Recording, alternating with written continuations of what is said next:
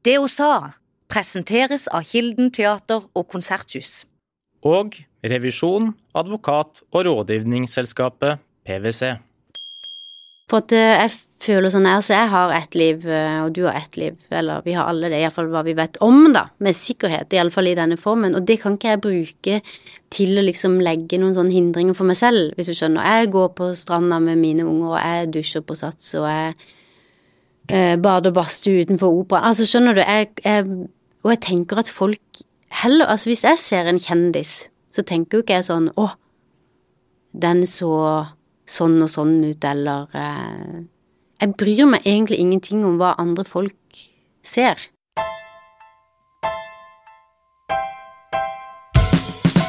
Agnes Kittelsen ble ferdig med Teaterhøgskolen da hun var 22 år. Siden det har hun vært med i en rekke kjente teaterstykker, filmer og TV-serier, som Max Manus, Kon-Tiki og Exit. Skuespilleren har fortsatt sterke bånd til hjembyen Kristiansand. Agnes Kittelsen, velkommen til det hun sa. Tusen takk. Du er jo på besøk i Kristiansand, og da var vi så heldige at vi fikk hanka deg inn. Mhm. Det er jo andre forsøket vårt. Forrige gang tror jeg du ble syk. Ja, det tror jeg gjorde, ja. Jo, det var da jeg skulle Ja, det var da jeg fikk eh, covid. Det stemmer. Ja. Ja, Skikkelig. nå, nå er du frisk. Nå er jeg frisk. Ja, det er bra. Du, når du kommer til, til Kristiansand, som jo er hjembyen din, mm. hva er det du må gjøre? Ja, hva er det jeg må gjøre? Um, jeg må jo treffe familien min. Um, I dag har jeg hatt en lang frokost med min far, som eh, var veldig, veldig koselig. Ehm, nei, hva er det jeg må gjøre? Jeg hadde um, en lang prat Det som er litt hyggelig, er at jeg har jo venninner fortsatt fra den tiden hvor jeg bodde her, og som jeg har vokst opp sammen med, og som fortsatt er på en måte mine nærmeste. Sånn at eh, jeg har veldig mye å komme hjem til, opplever jeg, i Kristiansand. Um, ja, både familien min og vennene mine. Så det um, Ja, det er rart, altså, men jeg, jeg, jeg føler fortsatt at jeg kommer hjem. Jeg gjør det.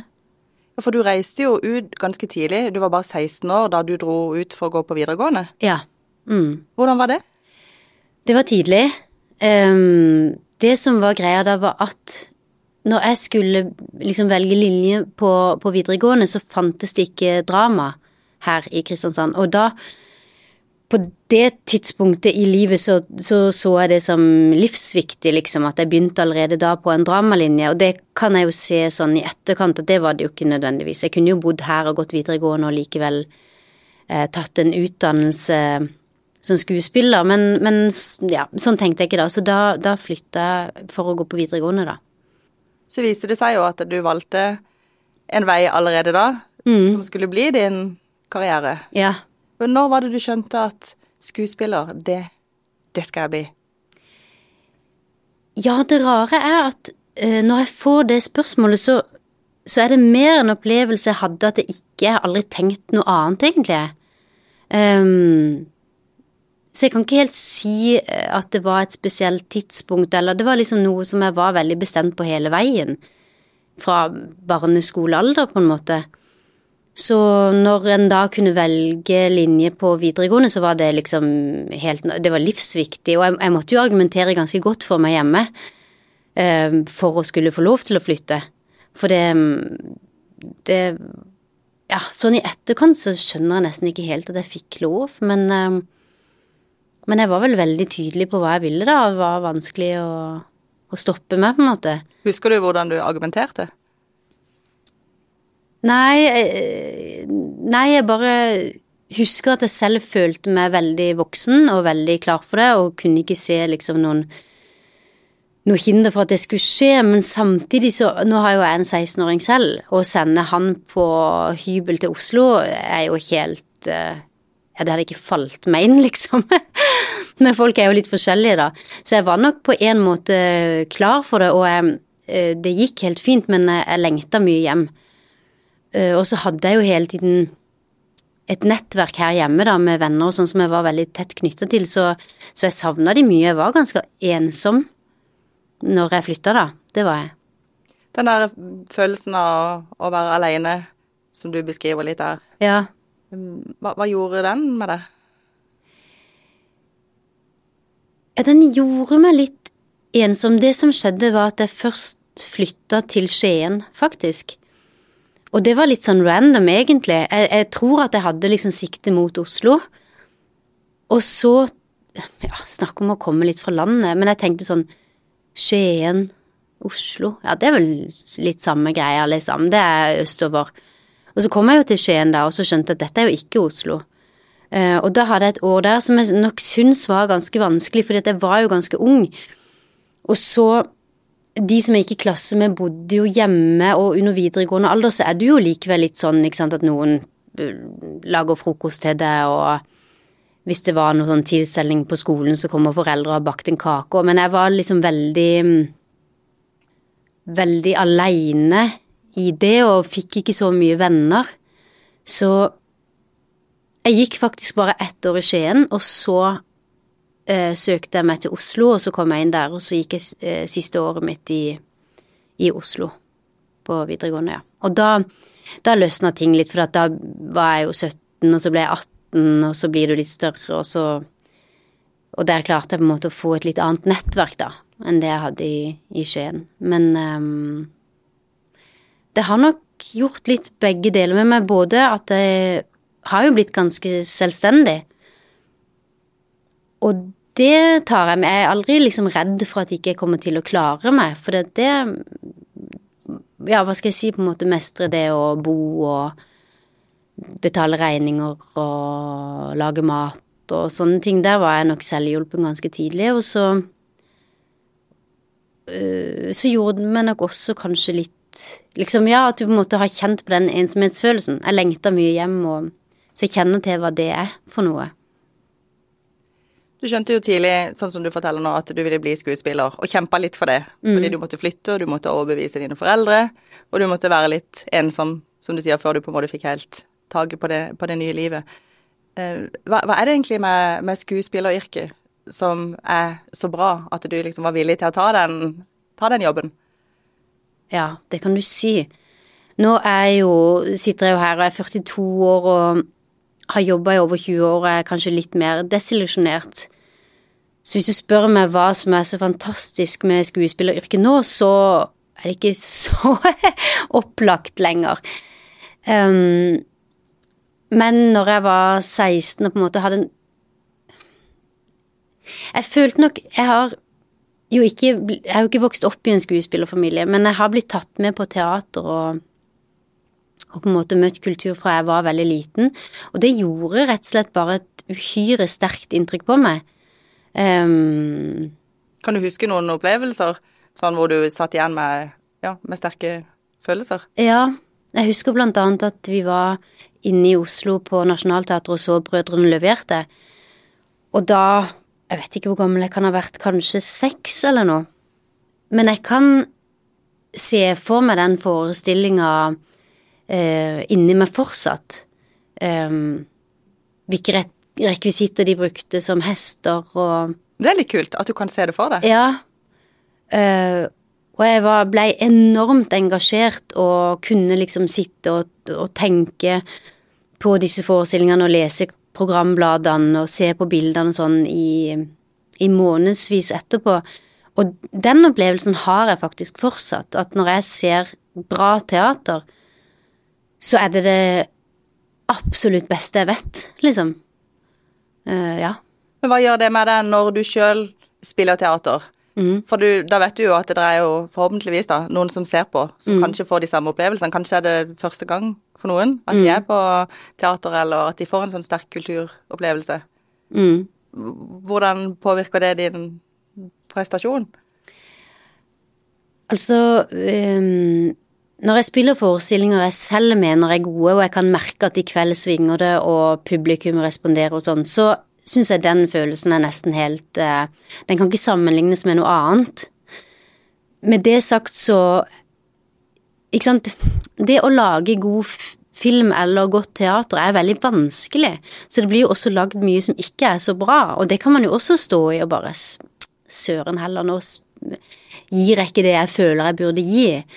Um, ja, så Er du, er du sjølkritisk? Ja, det håper jeg jo at det er. Um, ja, det er jeg nok. Og jeg er også sånn som leser kritikker og Fordi at jeg er nysgjerrig på hvordan det oppfattes. Har vi klart å formidle det som vi ønsker å formidle, ikke sant? Har vi Og noen ganger kommer du ikke i mål. Um, men jeg tror jo at hele når du sier hva gir man til publikum Altså, min overbevisning er jo at vi som samfunn blir fattigere. Vi som menneskehet blir fattigere hvis vi ikke forteller hverandre historier, eller har kunsten, eller spiller musikk, eller eh, Så jeg mener jo at eh, kulturen er veldig, veldig viktig, og jeg tror ikke vi helt skjønner hva det gjør med oss hvis vi ikke har det. Jeg tenkte på noe du sa helt i starten, da vi begynte å snakke. Så sa du at du var blitt litt desillusjonert. Mm. Så jeg er litt nysgjerrig på hva du tenkte på da. Uh, nei, for man tenker på den derre voldsomme overbevisningen jeg hadde når jeg var yngre om at dette var noe jeg absolutt ville, og det har jeg jo fått, og det er jeg jo glad for, men det er jo veldig mye med skuespillerlivet som også eh, ikke er så glamorøst som jeg hadde sett for meg når jeg var yngre, da. Det er det jo. Ja, Beskriv det. Ja, det er for eksempel eh, rent sånn praktisk, det å være i en film- eller TV-innspilling er jo ganske mye venting. Um, altså, den der magiske verdenen er det jo ikke så veldig mye igjen av. Ikke sant? Hvis du er på et filmsett, så har du en linje for kameraet som skal filme, og det kan jo være alt fra Ja, si at det er 1940, da. Så ser alt helt fantastisk ut der, og så ser du ett blikk til sida, og så er det jo ikke sånn det er, ikke sant, og det er jo veldig mye Altså, filming er ganske slitsom for at i løpet av en dag så har du kanskje lagd, hvis du er heldig, to og et halvt minutt, ikke sant, av effektivt spill som blir med på filmen, så det er jo veldig mye av den dagen som er venting og repetisjon og kamerainnstilling og lys og lyd, ikke sant, så det er jo det er Å jobbe på teatret òg er jo veldig mye hard jobb. Um, det er ugunstige arbeidstider, og du skal gå på jobb når alle andre skal gå hjem, og um, Ja, det er en ganske slitsom livsstil, på en måte. Det er det jo. Du, I det siste så har du jo fått mye oppmerksomhet av Exit. Mm. Og det var vel i 2019 var vel det den mest strømma serien på NRK. Mm. Det kommer en sesong til. Ja. Åssen er det å jobbe med det? Det tror jeg mange lurer på. Å jobbe med Exit? Mm. Ja, merkelig nok så er det jo bare veldig hyggelig. For um, Øystein Carlsen, som er manusforfatter og, og regi, har regi, er jo en som jeg har jobba med over ganske mange år. Så han kjenner jeg veldig godt og er veldig trygg på. Um, og de guttene som har eh, hovedroller, er òg veldig, veldig, veldig snille, gode kollegaer. Hvor godt kjent blir man da? Ja, vi er jo i utgangspunktet ganske godt kjent. Pål Sverre og meg gikk i samme klasse på Teaterhøgskolen, så vi har jo kjent hverandre siden vi var 18. Um, og alle de andre, ja, bortsett fra han Simon som spiller min mann i Exit, han, han ble jeg først kjent med da vi begynte å jobbe med dette. Men um, det er egentlig bare en, eh, en veldig hyggelig opplevelse, selv om Exit utenfra kan, kan jo oppfattes ganske voldsomt. Men jeg er nok ganske sånn Hva skal jeg si Jeg er nok ganske pragmatisk i forhold til jobben min, på en måte. Hva, hva mener du med det? Nei, jeg mener at jeg blir ikke så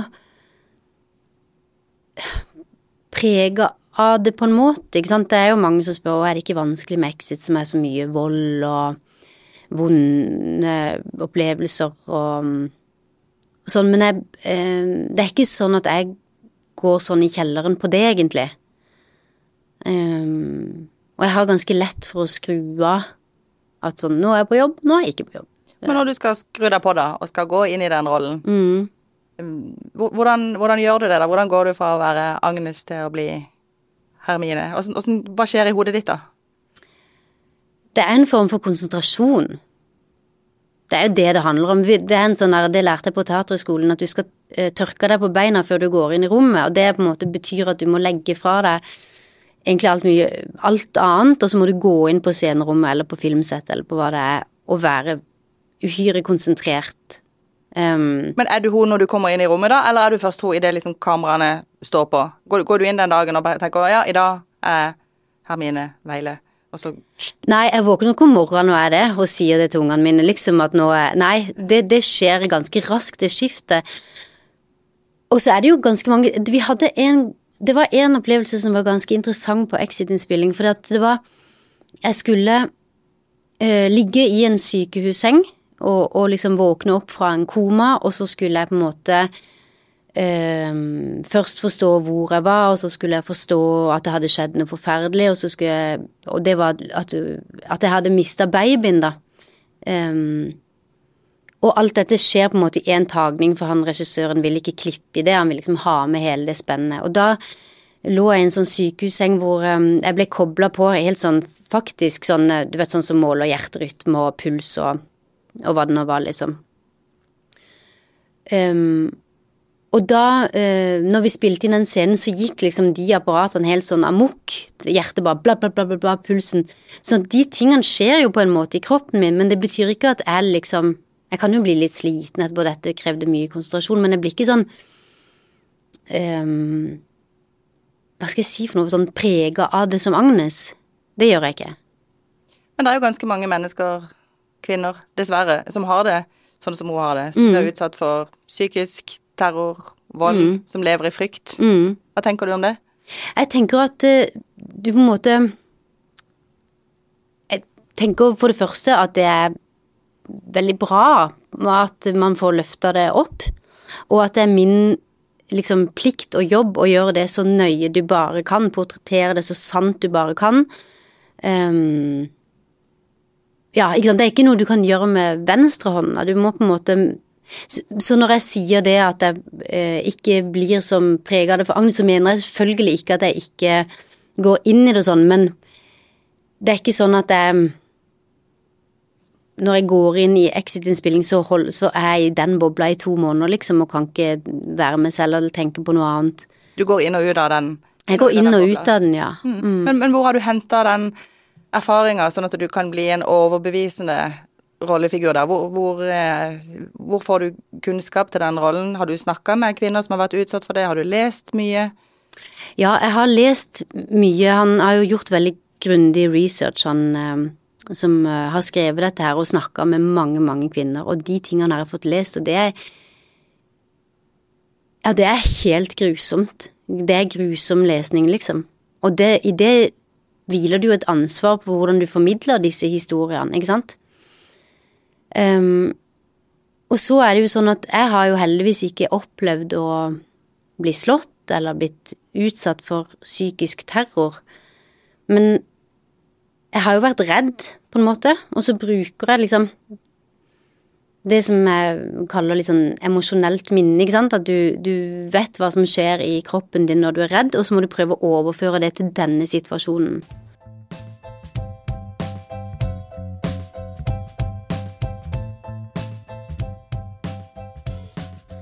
Altså, exit er jo på en måte Det her er jo litt sånn lang debatt. Skal man si at exit er en forherligelse av det å ha mye penger og makt og være kul type? For det fins det jo òg, liksom.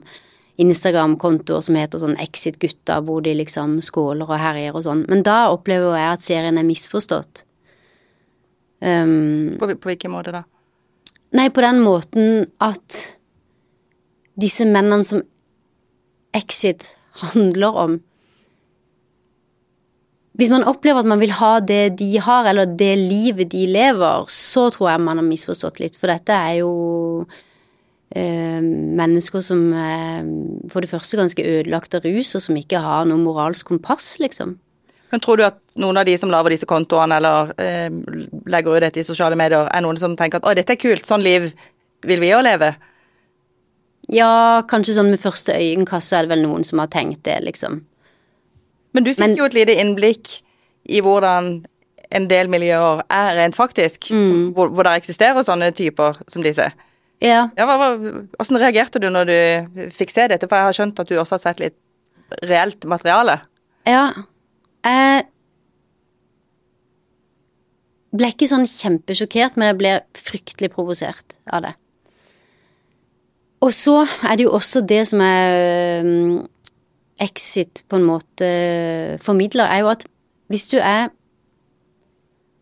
så rik i Norge Altså, du kan nesten ikke være så rik, eller sånn som de guttene holder på, uten å være kriminell. Ikke sant? Det er jo noe med det at de som har mest Vårt samfunn er bygd opp sånn at de som har mest, skal yte mest. Ikke sant? Eh, de som tjener mest, skal betale mest skatt. Disse her har jo gjort det til en sport å komme unna med hva som helst. Altså, det jeg opplevde når jeg så det materialet eh, som var liksom disse som Som Exit liksom er bygd på, er at de opplever selv at de har så mye penger at de er heva over alle andre lover og spilleregler som vi andre følger, liksom. Og det mener jeg er uhyre provoserende. Har du så mye ressurser, så har du også et stort ansvar. Utgangspunktet for Exit er jo noen reelle karakterer. Mm. Kan ikke du, for de som ikke kjenner Exit så godt, forklare litt om hvilken betydning det har hatt for, forhandlingene i serien? Ja, altså Det var jo um, fire menn som uh, hadde kontakt med et uh, produksjonsselskap. Og så ble det gjort et opptak av en samtale de har, hvor de snakker om sine liv og bedrifter og koner og sånn. Og så um, har man bygd på deres historier og lagd disse karakterene. Og så har man tatt For at ikke det skal bli så gjenkjennelig og én til én, så har man miksa, ikke sant, sånn at han som fortalte det, får litt av hans historie, sånn, så ikke man liksom skal Norge er et lite land, og man ikke skal forstå med en gang hvem som er hvem og sånn. Og de opptakene fikk vi eh, se, men de var sledda, så jeg har ikke sett ansiktene på de, men, men hørt hva de har fortalt, da. Mm. Og det er jo det mm, Exit sesong én bygger på, og så tar man disse karakterene videre, ikke sant, og bruker noen historier og, og sånn, men også lager en egen dramatisk, liksom, linje for dem. Og så, i sesong to, så var det mange kvinner i samme miljø som fortalte sine historier. Og så lagde man da ikke sant, Det blir jo litt sånn bits and pieces, men man tar det fra det og det fra den, og så lagde man da Hermine sin historie ut av det. Mm. Din historie, den endrer seg jo, Mm. og du blir tøffere, sånn som jeg ser det. Mm. Eh, hvor mye bryr du deg om det, at din karakter endrer seg? Det er en gave. For det første så er det veldig Det er alltid mer interessant å spille en karakter som gjør en reise. Um, og så er det jo også veldig Man får jo liksom Man får jo lyst til å ta de gutta. Man får lyst til å gjøre det på vegne av alle de kvinnene som blir trykt. Altså, det, det er et uhyre Det er uhyre sårbart å være kvinne i et sånt miljø. Ikke sant? Hvis du um, mer eller mindre uh, lever av din mann og din manns inntekt, mens du selv liksom gjør alt. Styrer familien, føder barna, følger de opp, eh, rigger med huset, ordner ferier. Ikke sant?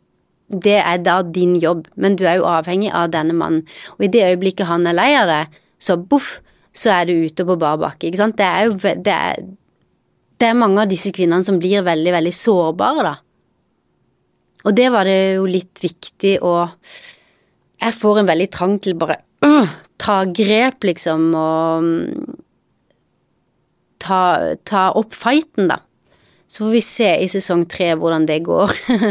Men du får et ekte engasjement. ja, det gjør jeg jo. Ja, det gjør jeg. Og, mm, og som kvinne så tror jeg jo at det er veldig viktig å sikre seg sjøl. Hvor- Hvordan lever du sjøl i forhold til de verdiene og det der med å være selvstendig? Altså Ja, det kan du si. Spør du om min privatøkonomi, eller eh, Nei, men, eh, nei, men det er klart at det er litt eh, Men sant, jeg har bodd alene i mange år. Um, så um, jeg står jo på egne bein, på en måte, og det Er det viktig for deg? Det er viktig for meg å vite at jeg kan klare meg selv. Det er viktig for meg å vite at jeg kan forsørge mine egne barn. Um, ja, det er det. Jeg har lest at du og mannen din har vært litt sånn pragmatiske i forhold til å finne måter å få ting til å gå opp på.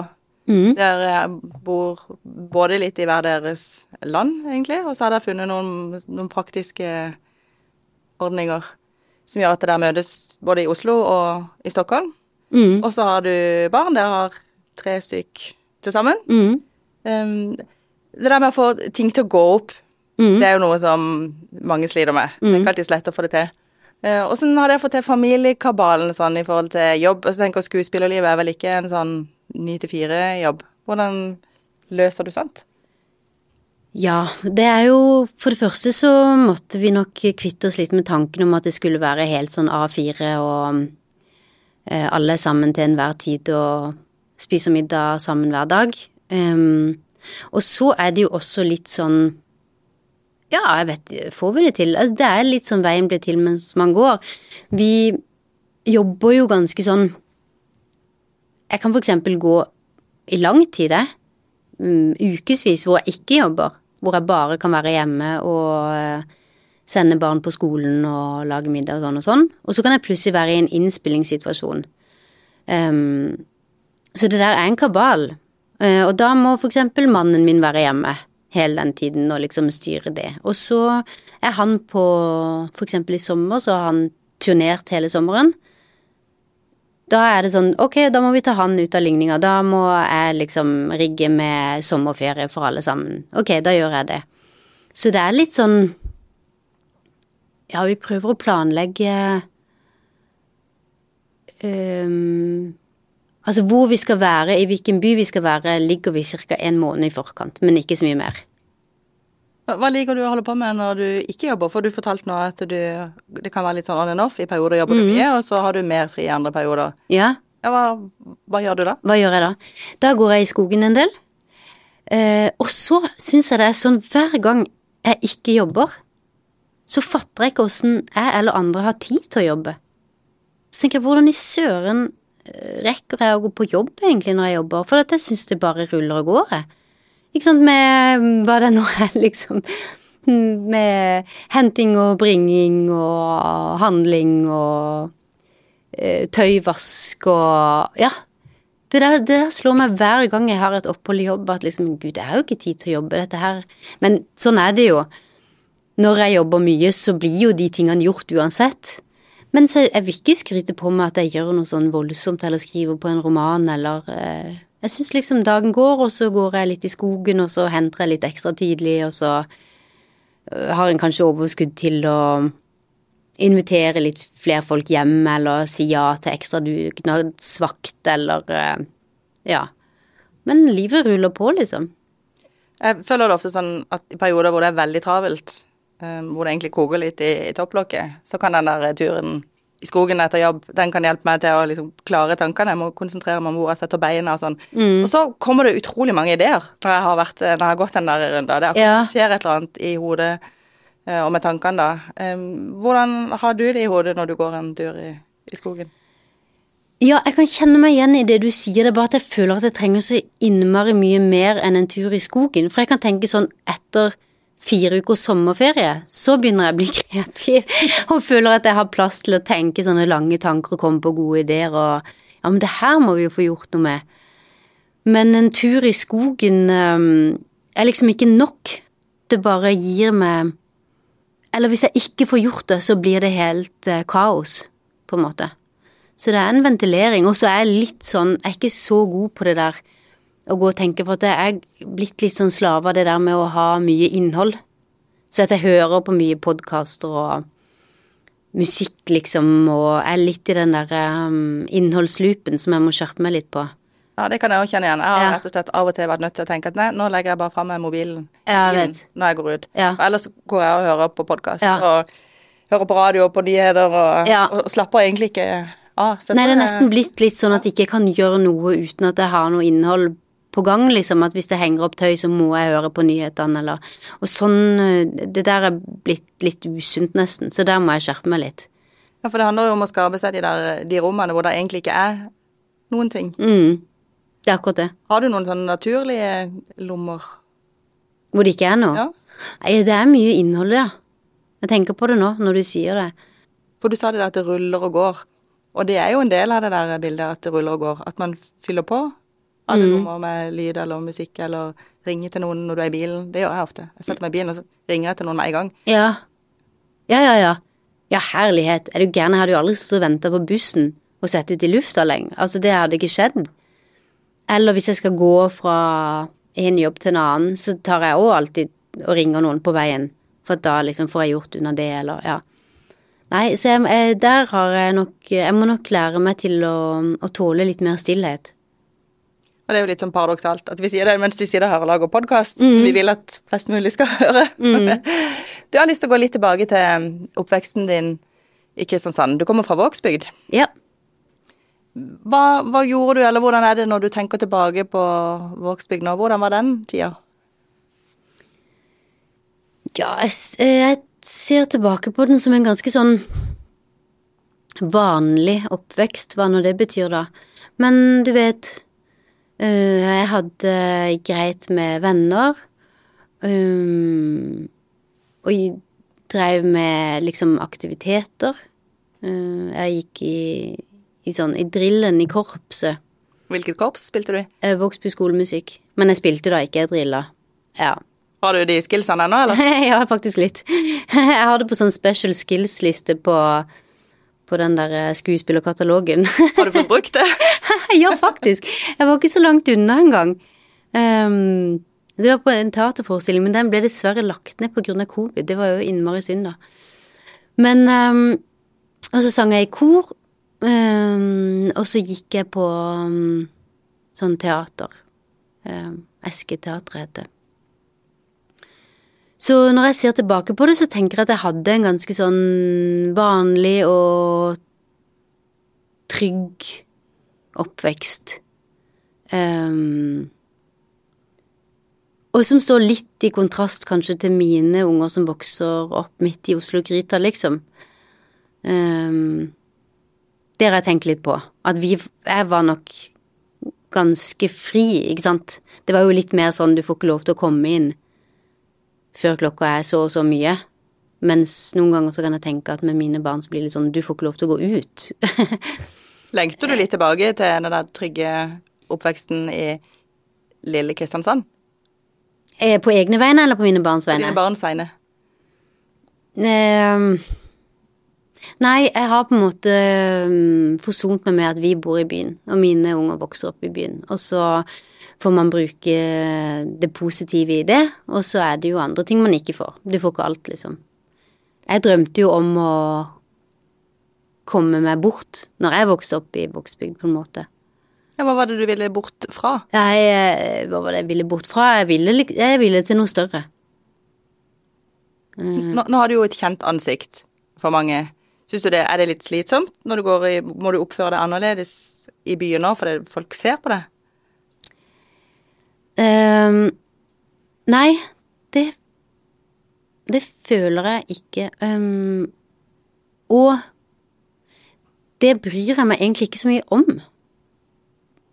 Nei, akkurat det der har jeg liksom Jeg vet ikke om det er bevisst eller ubevisst, men det med å være et kjent ansikt eller ikke eh, det, det påvirker meg på en måte i ingen grad. For at eh, jeg føler sånn Altså, jeg har ett liv, eh, og du har ett liv. Eller vi har alle det, iallfall hva vi vet om, da. Med sikkerhet, iallfall i denne formen. Og det kan ikke jeg bruke til å liksom legge noen sånne hindringer for meg selv, hvis du skjønner. Jeg går på stranda med mine unger, og jeg dusjer på Sats, og jeg eh, bader badstue utenfor operaen. Altså, skjønner du, jeg, jeg Og jeg tenker at folk heller Altså, hvis jeg ser en kjendis, så tenker jo ikke jeg sånn Å, den så sånn og sånn ut, eller eh, Jeg bryr meg egentlig ingenting om hva andre folk ser. Eh, og det er jeg helt ærlig på.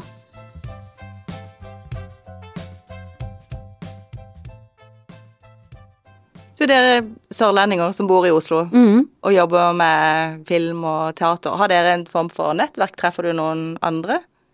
Eh, vi har ikke noen sånn sørlandsklubb som møtes eh, en gang i måneden, men jeg, eh, jeg kjenner jo de, de kollegaene mine som er herifra, og mange ganger så har vi liksom drodda liksom Hvorfor lager vi ikke en heidundrende film eller et eller annet stort prosjekt herifra? Det hadde vært kjempegøy.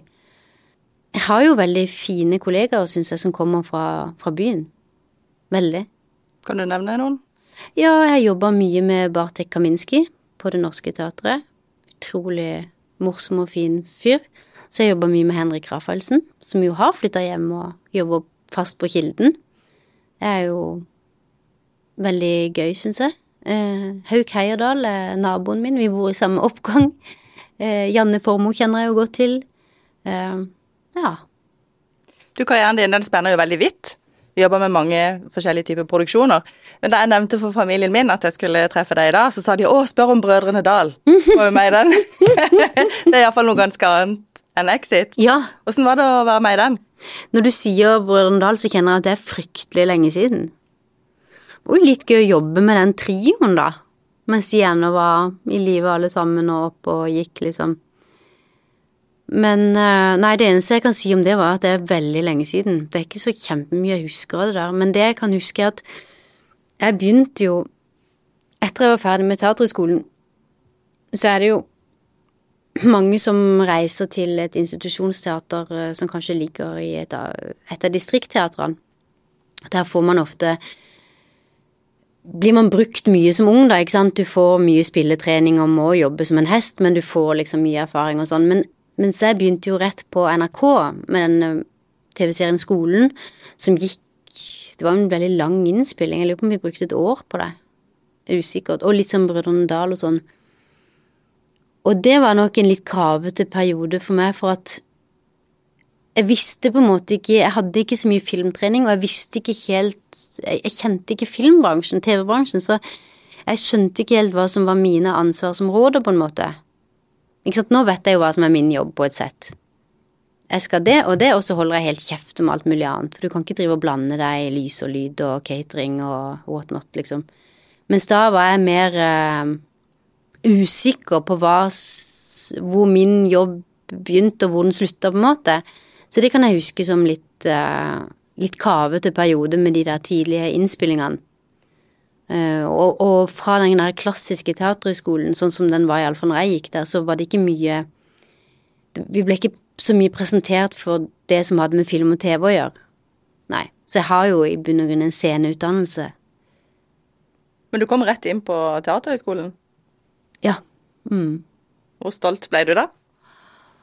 Ja, hvor stolt ble jeg da? Jeg, um, sånn i etterkant så kan jeg tenke at det er litt synd. Jeg skulle gjerne for det første vært et par år eldre når jeg begynte der. Um, For du var hvor gammel? da var jeg 19, da. Ja. Og det er noe med å ha litt levd liv når du skal være skuespiller.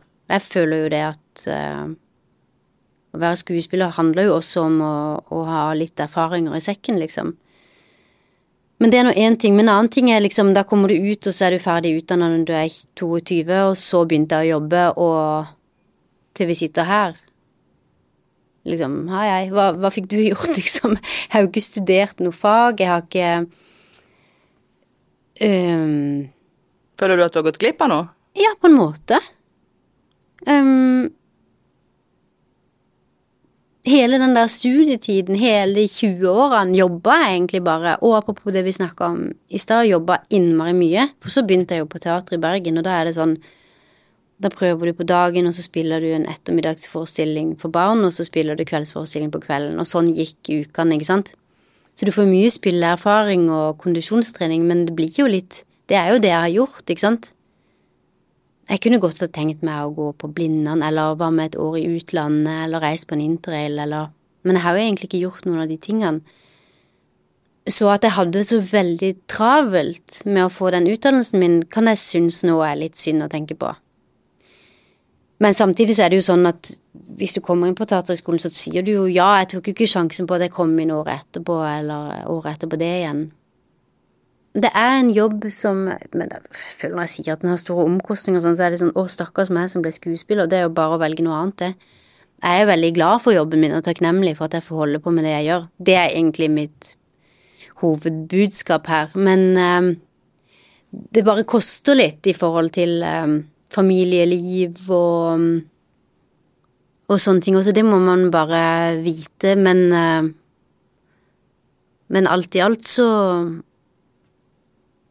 så syns jeg at uh, det på mange måter er et fantastisk yrke. Jeg gjør jo det. Agnes, når du kommer hjem fra jobb Mm. og har hatt full dag og gått ut av dine roller og henta barn og lagd middag og gått en tur med noe lyd på øret og ringt til venninner, og hodet er fullt, og så skal du slenge deg litt på sofaen, og så vil du se en serie. Mm. Hva velger du da? Jeg prøver å pløye meg gjennom det meste skandinaviske. Eh, nå sist har jeg sett ferdig den der tynne blå linjen fra SVT, og så prøver jeg å se det som kollegaene mine er med i. Eh, så Ringer du da og gir din tilbakemelding? Jeg så du gjorde der. eh, Ja, jeg gjør ofte det. Ja. Det syns jeg er litt viktig. Og det gjelder litt alt. Når en hører en podkast eller leser noe noen har skrevet, eller det er noen du kjenner, så si det, liksom. Jeg så det, det var kjempebra. Tusen takk, liksom. Ikke gå og tenk det. Oi, så bra det var. Det... Men bare si det. Ja, så det gjør jeg faktisk. Ja, så, så jeg prioriterer alt som er skandinavisk.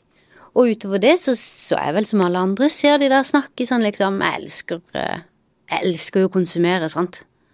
Jeg gjør jo det. Er det noe du tenker egner seg spesielt godt å se sammen? Som du kan sette deg ned sammen med unger og, og mann og se? Ja, meg og mannen min ser jo det meste sammen. Det syns jeg er gøy, for det er gøy å ha noen å diskutere hva du har sett med. Men uh, nå har vi jo litt sånn sprik på våre, på våre barn, så de to største ser sine egne greier eller er ikke hjemme. Og jeg foreslår alltid skal vi se dette, men det er ikke så mye gehør for det. Og hun yngste er så liten at uh, at hun ser ingenting. Hvor gammel er den yngste? hun er tre. Ja. Er det litt tidlig? Ja, det er litt tidlig. Så mm, Men også siden hun er tre, så betyr jo det at hvis ikke vi jobber, så er vi jo mye hjemme på kvelden. Um, så da Da blir det mye at vi ser på Ser på serier, ja. Agnes, det er et spørsmål som alle får, og det er hvem har de lyst til å fremsnakke? Er det et navn du vil løfte fram? Ja, Jeg så det i eh, notatene på den mailen at det gjerne kunne være en lokal. Eh, da kunne jeg tenke meg å gi en honnør til Janne Formoe. For at hun, det er modig, hun skal jo eh, jobbe med standup nå. Og det er altså det skumleste jeg kan tenke meg. Og det syns jeg er så stilig av henne, at hun liksom tar karrieren sin i en annen retning og prøver noe helt nytt. Det ser ganske mye til det. øh, å sitte i, hjemme og ha gjort Å kaste seg ut der. Det syns jeg er så modig henne. Og der, der skal jeg sitte i salen og klappe, uansett om det er morsomt eller ikke, for det syns jeg er veldig tøft. Og så syns jeg det er kult at hun, øhm, at hun tør å prøve seg på ting. Når, når er det du har kasta deg ut i noe på den måten der, hvor du har følt at yes, åh, jeg vet ikke om jeg egentlig kan dette her, men jeg gjør det? Ja, når jeg da har gjort det øhm, Det føler jeg på en måte at jeg gjør ofte. Jeg føler meg egentlig aldri på trygg grunn. Det er ikke sånn at jeg bare øhm, Ja, dette her har jeg kontroll på. Dette er alltid nervøse. Øhm, og jeg er alltid usikker på om jeg kommer i havn. Og eh, ja, nå sist så var jeg innom bitte liten rolle i denne herre Ja, det burde jeg ikke reklamere for, for der er jeg ikke noe god, men den her eh, Spotify-serien. The Playlist heter den. Og det var sånn, når det er så store produksjoner, og de, det er Netflix og det er internasjonalt, så går ting så raskt, sant. Det er sånn Kan de og de datoene passe? Ja, det får vi til. Ok, da skal du reise til Kroatia i morgen og begynne å filme, liksom. Ja, ok. Kommer på sett der, gigantisk sett. Og så er det sånn, ja, du skal snakke svensk. Jeg bare, ja, men jeg, snakker, jeg er jo norsk. Ja, men du er gift med en som er svensk. Ja, jeg bare, ja, Han kan jo ikke snakke norsk. Altså, jeg er jo norsk. Ja, da får du bare bruke svenske ord, for at svenskene forstår ikke noe hvis ikke. Da var jeg på innmari tynn is og, og um, kjente at det, her har jeg ikke hodet over vannet. Og så Nei, men nå har vi skrevet en ny karakter, han er engelsk, så nå skal det være på engelsk. Og jeg bare oh, fy Ok. Forretningsadvokat, engelsk. Skal vi se, ja. Det, så det var um, Da hadde jeg mest lyst til å reise hjem, liksom. Men får du det sånn etterpå at du har egentlig ikke noe lyst til at hun skal se det, for du er ikke ja. fornøyd? Ja, ja, ja. Absolutt. Men nå var jo dette en liten ting i en stor sammenheng, da. Men eh, Men det er jo en stor produksjon. det er en stor produksjon, og det, det går Ofte går ting ganske fort nå. Eh, og casting, altså hvem som skal spille hva i store produksjoner, er ofte det som kommer helt til slutt. Så du får liten tid til å forberede deg, får liten tid til å sette deg inn i hva det er. Altså Men kan du bare la være å se det, da? Greier du det? Og bare liksom Nei, men jeg gidder ikke se på akkurat den. var ikke noe fornøyd. Ja, ja, ja. ja, ja.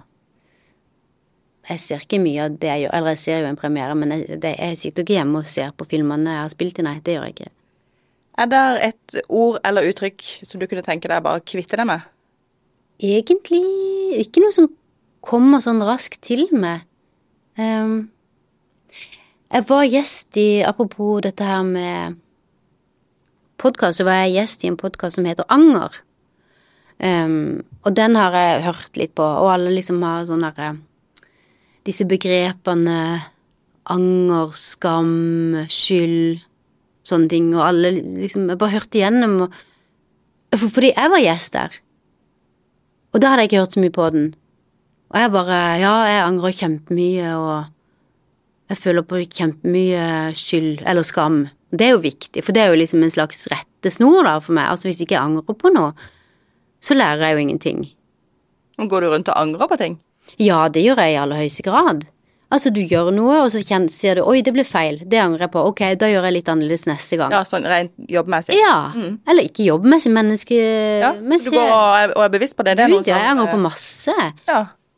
Og bare ja, skammer du deg over noe? Ja, det er klart jeg gjør. Men hva skammer du deg over? det? Nei, jeg skammer meg over hvordan jeg snakker til ungene mine, så tenker jeg det her var ikke bra, Agnes, du må snakke annerledes til dem. Ok, da prøver jeg på det. Men når jeg hørte den podkasten, så var det veldig mange som snakka om det, at alle disse begrepene må vi kvitte oss med, og nei, jeg føler ikke på, jeg kan ikke, jeg angrer ingenting, og så tenker jeg sånn, gud, ja, men da lærer dere vel ikke noe heller. Jeg tenker det er litt sånn, det var kanskje en digresjon, men jeg bare, Det er kanskje litt sunt å være litt bevisst på de begrepene òg, ja, det det syns jeg. Skal ikke kvitte oss med de, med de. Nei, jeg syns det er jo viktig å Skamme seg litt. å skamme seg litt og tenke at oi, nå får jeg prøve å gjøre det litt bedre neste gang. Fordi det er jo sånn vi lærer og utvikler oss, er det ikke? Du tenker at vi begynner å runde av nå, men vi har vært gjennom mange alvorlige tema. Når er det du blir ordentlig, ordentlig glad, eller bare ler så du ikke klarer å, å stoppe? Mm. Jeg blir ordentlig, ordentlig glad av eh, gode teaterforestillinger, av eh, Altså, jeg kan se på ting, høre på ting som jeg syns jeg, jeg lar meg lett underholde, tror jeg. Um, det gjør jeg. Og jeg syns egentlig at det aller meste er veldig bra. Bare, å gud, så gode dere var. Så, dette var kjempebra. Så jeg lar meg lett underholde. Og så har jeg jo en treåring, og det er jo altså Guds gave til mennesket. Altså virkelig. Når du ikke sant, er blitt så Hun behersker språket så godt, ikke sant? Hun snakker jo helt superbra. Men hjernen hennes er jo tre år gammel, så det som kommer ut, og de betraktningene og den måten å se på livet og spørsmålene er er det koser jeg meg så mye med for tida. Det syns jeg er så koselig. Jeg ler høyt flere ganger om dagen av treåringen vår. Det gjør jeg. Og så ler jeg mye av mannen min. Jeg syns han er vittig type. Agnes Kittelsen, tusen takk for at du tok turen til Fedrelandsvennen og det hun sa. Ja, takk for at jeg fikk komme. Og lykke til med videre prosjekter. Takk skal du ha. Du har hørt på Det hun sa av Federlandsvennen. Følg oss på Instagram og meld deg inn i Facebook-gruppen vår. Der kan du foreslå en gjest du har lyst til å høre i neste episode.